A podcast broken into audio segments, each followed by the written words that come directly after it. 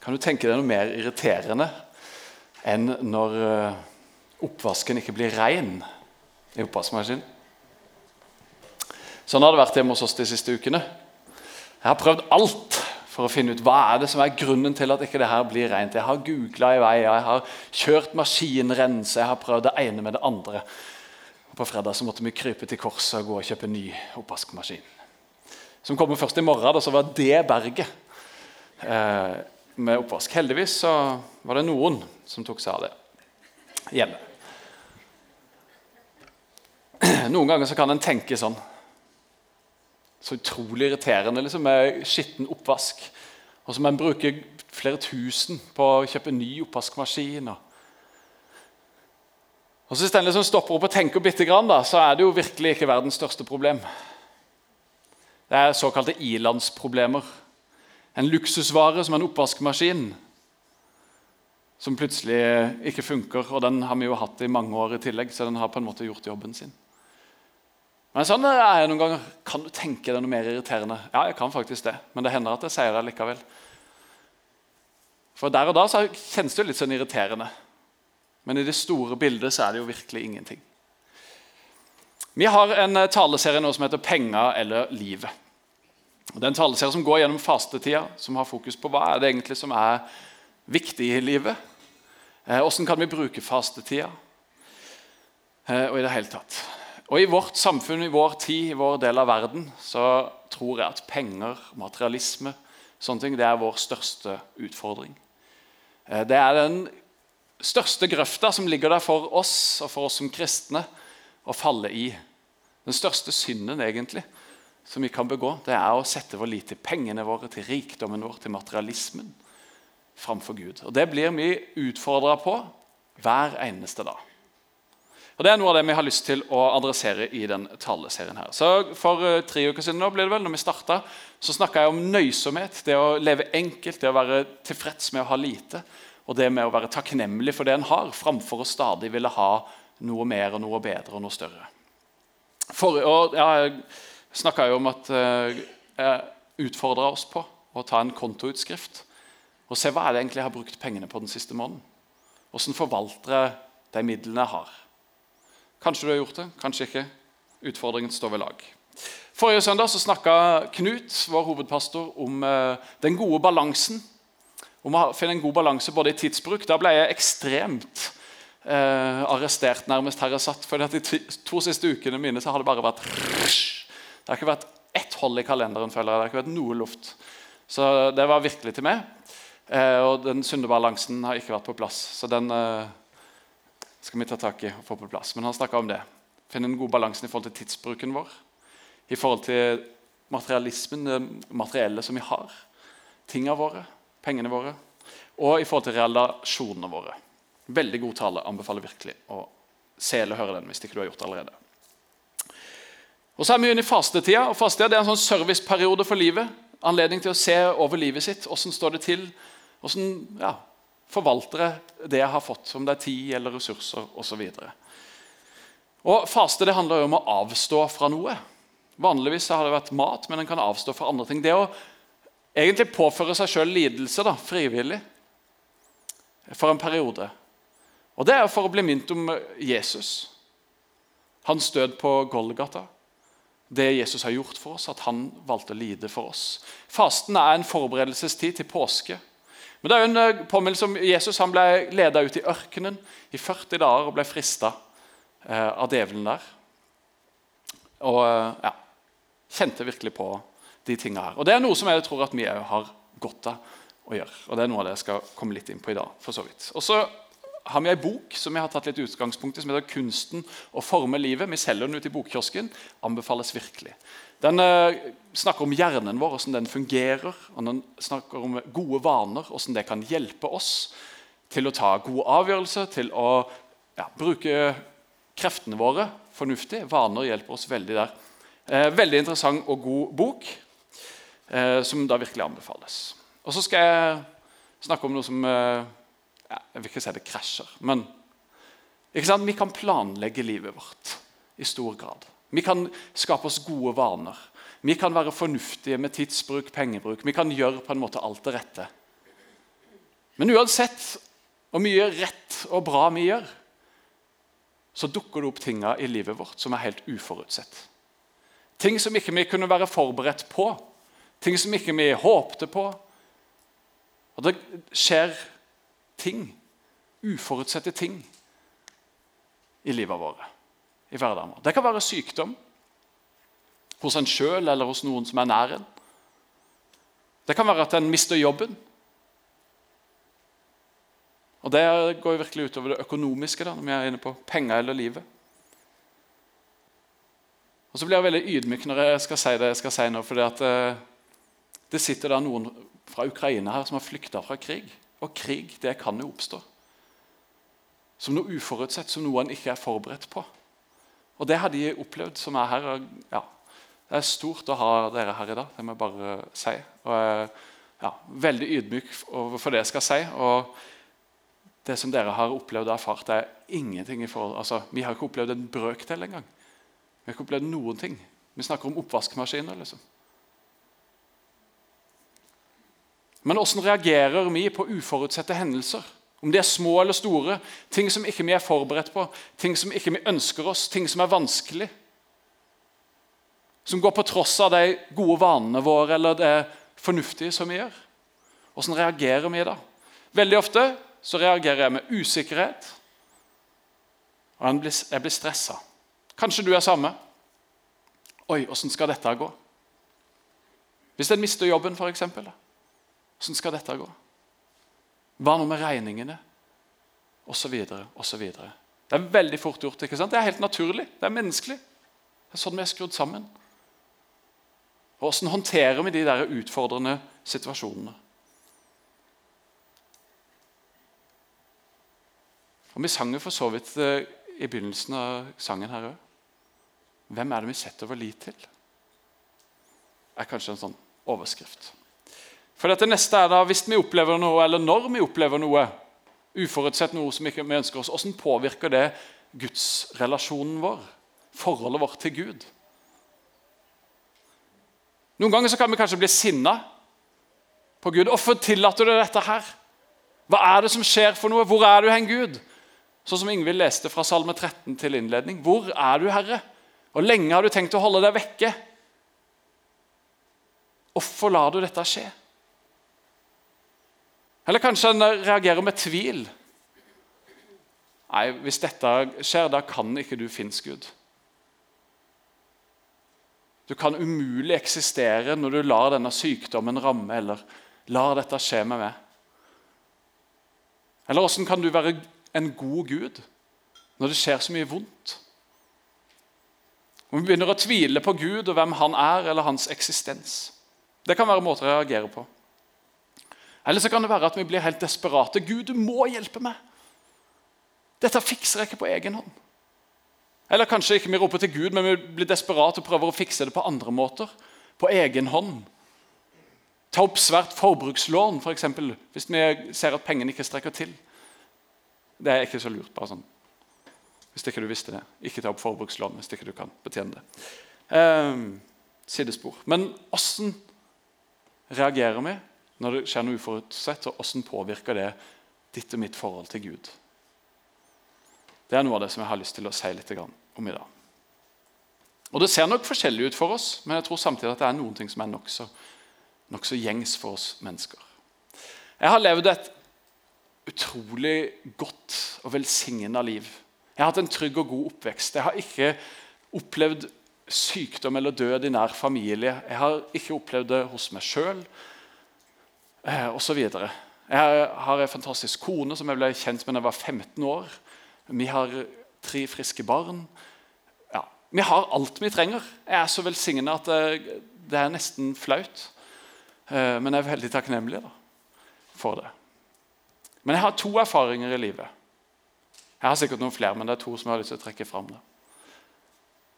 Som uh, har vært opplevd som uh, krevende, utfordrende og vanskelig.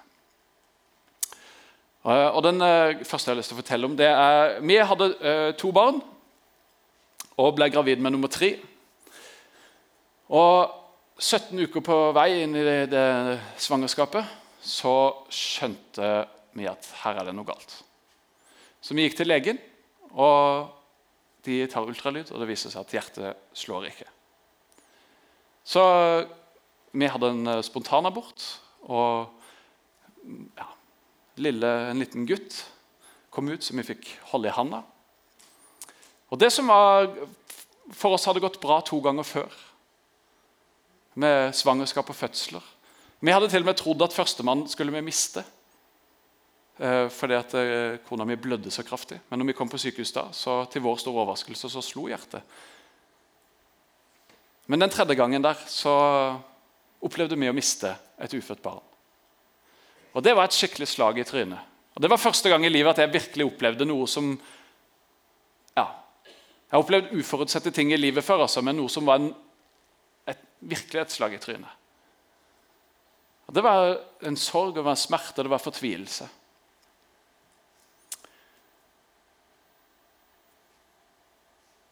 Og samtidig Nei, jeg skal ta den andre historien først. Jeg skal holde deg litt på pinnbenken. Den andre hendelsen jeg hadde, det var et par år seinere. Plutselig så var det som om livet mitt bare var helt dødt. Jeg hadde ingen glede. Jeg hadde for så vidt ingen sorg heller. Men livet var bare tomt. Det føltes liksom meningsløst. Og ingenting ga meg på en måte noe. Jeg bare levde. Og Jeg lå stadig på sofaen i fosterstilling og bare lå der. Og undra meg over livet. Og Så var jeg i en prosess over tre måneder cirka, der jeg drev og kjempa med det her. Hva er dette for noe, Gud? Hvorfor er det sånn? Hvor lenge skal dette vare? Hvor er du hen? Og så videre. Og I løpet av den prosessen så snakka jeg med en del mennesker. Jeg forsøkte å være ærlig om hvordan jeg hadde det. Jeg ba når jeg orka, i hvert fall. Og jeg forsøkte virkelig å ta Gud med i den prosessen. Og Så kom jeg ut på andre sida etter å ha vært i den prosessen, og etter å ha lest ei bok som heter 'Mens du hviler', så skjønte jeg at jeg har levd som, For de av dere som kjenner historien om Martha og Maria, så har jeg levd som, Maria, nei, som Martha hele mitt liv.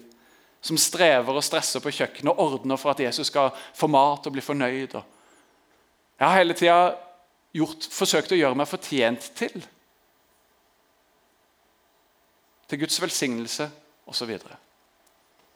Og, så fikk jeg erfare at hvile det er mitt utgangspunkt. Nåde. Jeg hadde hørt om nåde hele mitt liv. Jeg visste godt hva det var, men det satt bare her. Og så fikk det flytte hit.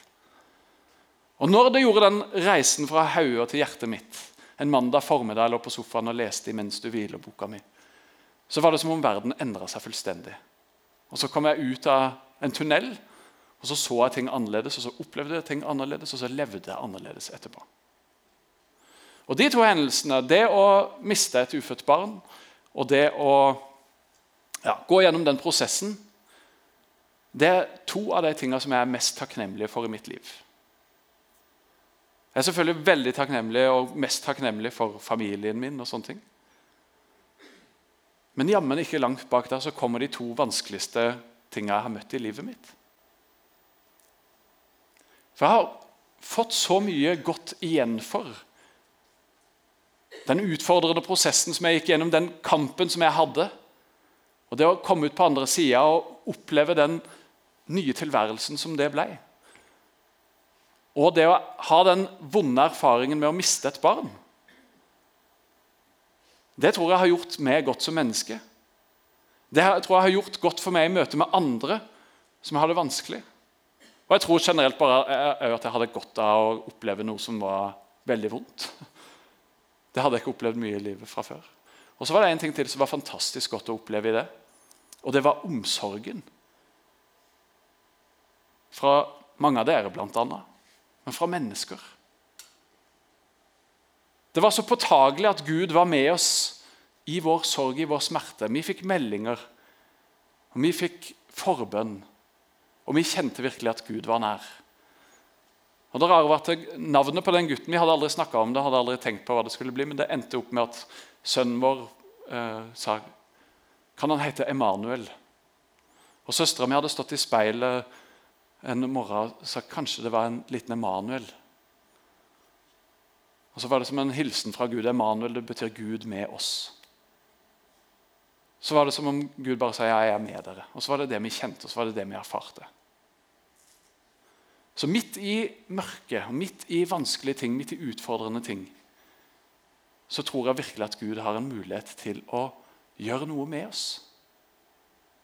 Det er noe av det som jeg har lyst til å snakke om i dag. Dere skal få et bibelvers, en bibeltekst, som vi skal bruke litt til der. Og Den er fra Jakobs brev. Jakob det er jo rett og slett Jesus sin egen bror. Det er ganske kult. Han var leder for den første menigheten. Og Jakob han er ganske tøff i trynet i det han skriver. Og Han starter brevet sitt, dette er det andre verset i brevet hans. sitt, Så sier han Se det bare som en gledessøsken når dere møter alle slags prøvelser. Ja, takk for den, liksom. Hvor mange av oss ser det som en glede når vi opplever vanskelige ting i livet? Det er veldig sjelden at mine første tanker i hvert fall er Yes! Nå vet du, nå kommer det en skikkelig prøvelse. Endelig. Dette er vi klar for. Men Jakob sier, se det bare som en gledessøsken når dere møter alle slags prøvelser. Og så fortsetter han, for dere vet at når troa blir prøva, så skaper det utholdenhet. Og det er sånn, Hvis du har tenkt å komme i god form, så hjelper det ikke å ligge på sofaen. Du får ikke bedre kondisjon eller større muskler eller mer utholdenhet av å ligge på sofaen. Kanskje du får større utholdenhet i å ligge på sofaen. Men du klarer ikke å jogge stort lenger eller løfte tyngre. Det er sånn at Når vi gir musklene våre motstand, da vokser de. Eller De vokser faktisk når du hviler etter du har gitt dem motstand. da. Men du trenger å gi dem motstand.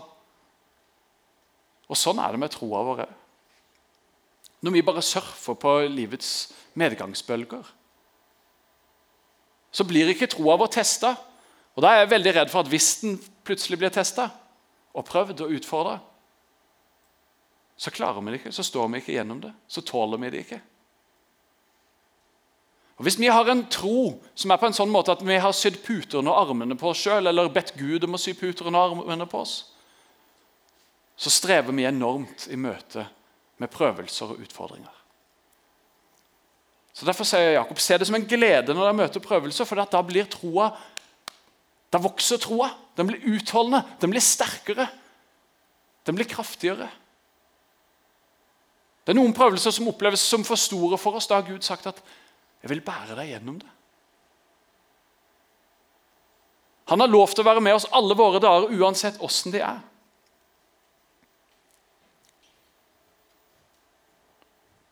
Men jeg tror vi trenger prøvelser, vi trenger utfordringer, vi trenger vanskelige ting. Og det er som Når du oppdrar en unge, hvis den hele tida liksom sørger for at ikke de ramler og slår seg, eller ja, syr puter under armene på dem, da, så blir det ikke veldig robuste mennesker av dem. Barn trenger å møte motstand for å vokse og bli modne. Og Du og meg, vi trenger det samme. Og vi trenger det òg i troslivet vårt. Vi trenger motstand. Vi trenger å bryne oss, vi trenger prøvelser, vi trenger utfordringer. Og Så stilte jeg et spørsmål hvordan reagerer vi da, og hvordan påvirkes vårt gudsforhold når det dukker opp uforutsette ting, ting som ikke vi var forberedt på. Prøvelser, utfordringer, vanskelige ting som ikke vi ønsker. Det første jeg har lyst til å si noe om, det er å stille et spørsmål. Hvor finner du din identitet? Og hvor finner jeg min identitet? Hva er det har min identitet i? Har jeg min identitet i familien min? Eller i jobben min? Eller i god helse? Eller i en trygg økonomi? Er det der jeg har min identitet? Hva skjer da hvis jeg har min identitet i min gode helse om jeg plutselig blir syk? Eller hva skjer om jeg har min identitet i min familie, og noen plutselig dør? Eller hva skjer om jeg har min identitet i jobben og det jeg får til og det jeg er flink til, og plutselig jeg mister jobben? Eller om jeg har min trygghet og min identitet i min økonomi, og den plutselig forvitrer? Hva skjer med oss da? Gud sier at vi skal ha vår identitet i Jesus. I relasjonen med Han. Det er der din og min identitet som etterfølger han bør ligge. Fordi at I motsetning til jobben vår, eller helsa vår eller økonomien vår, som plutselig kan kollapse, som kan gå i stykker, så kan ikke Gud det. Gud er uforanderlig, han er evig, han er trofast, han er en klippe som står fast. Og Derfor bør vi ha vår identitet i Han. Og Da tåler vi å stå gjennom prøvelser uten at vi ja, begynner helt å vakle. Men vi går til Gud, til Han som er vårt alt, til Han som vi lever i og ut fra.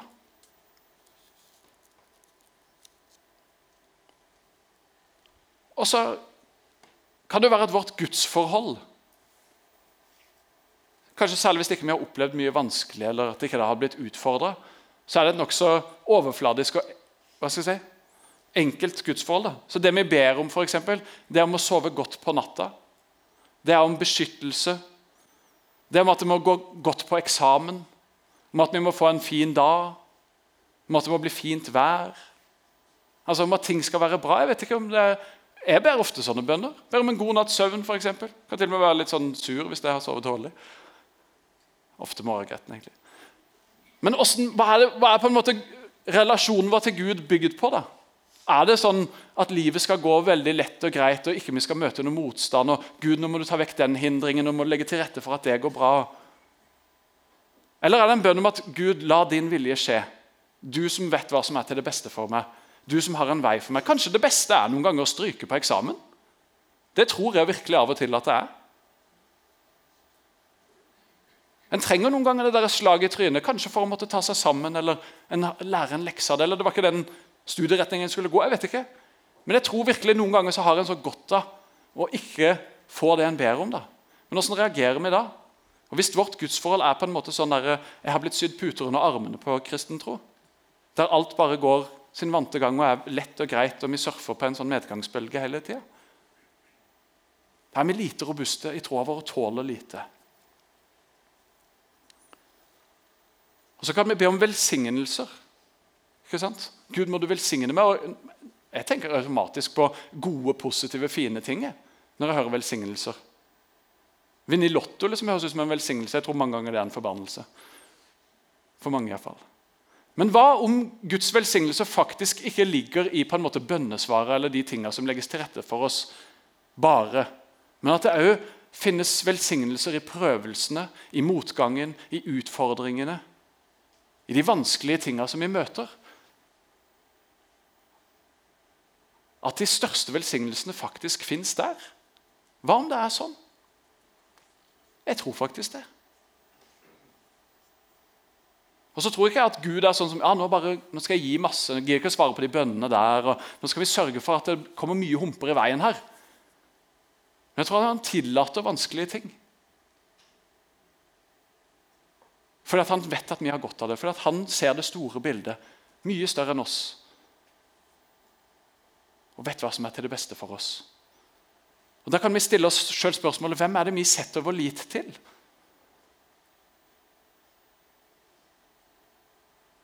Hvem setter du og vi vår lit til?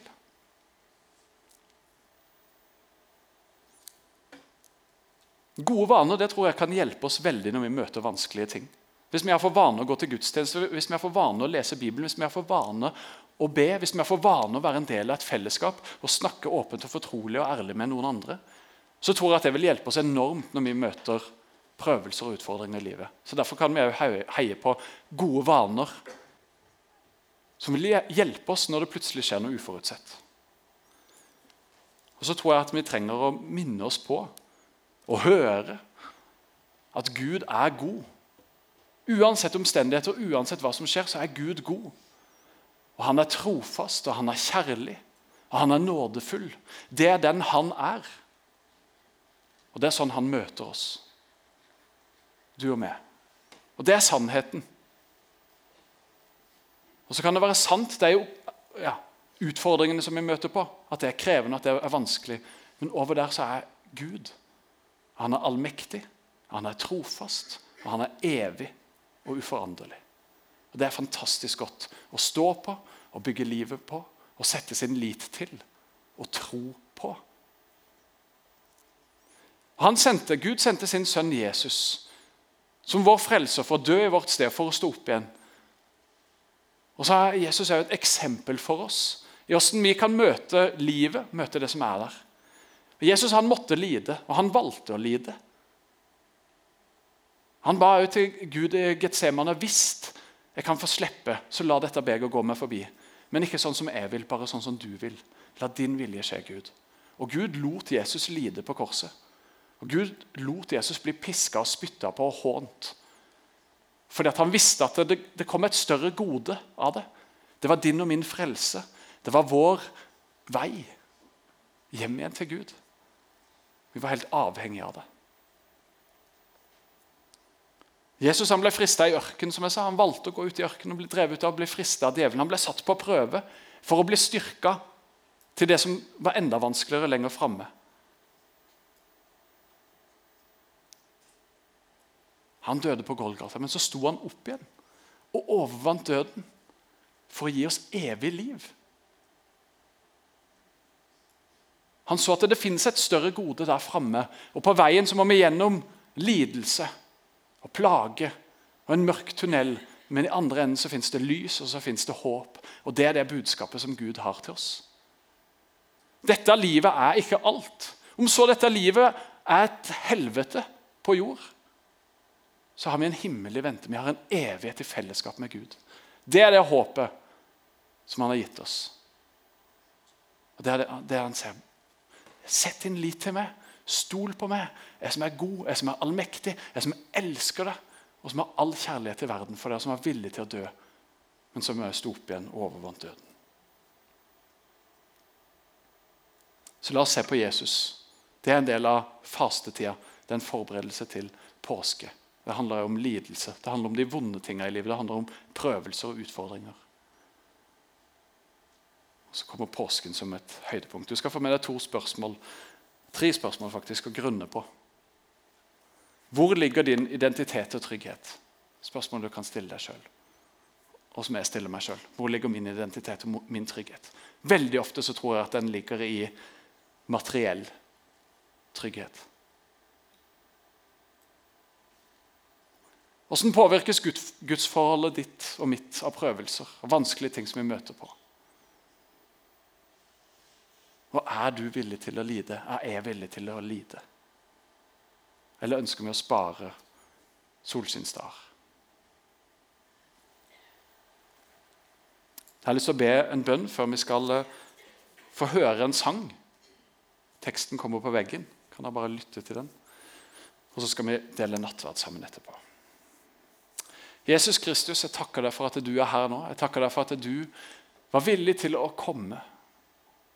Deg for at du var villig til å lide for at vi skulle gå fri, Herre. Takk for at du har vist oss et eksempel på hva som vi kan eh, ja, hva godt som kan komme ut av lidelse. Og at noen ganger så er det det beste for oss, det å oppleve noe vondt, noe utfordrende, noe vanskelig. Så får vi erfare at du bærer oss igjennom, og du leder oss igjennom. Herre Jesus, jeg ber om at du skal styrke oss, jeg ber om at du skal hjelpe oss å sette vår lit til du, som er uforanderlig og evig, og som er god, og som er trofast, og som er kjærlig. Må du tale til oss nå, må du fylle oss med ditt nærvær, med din fred, med din visshet om at du lever, at du er iblant oss. Må du hjelpe oss når vi møter ting som er vanskelig, til å se hva godt som kan komme ut av det, Herre. Hvilke velsignelser som kan finnes på vonde steder. Amen.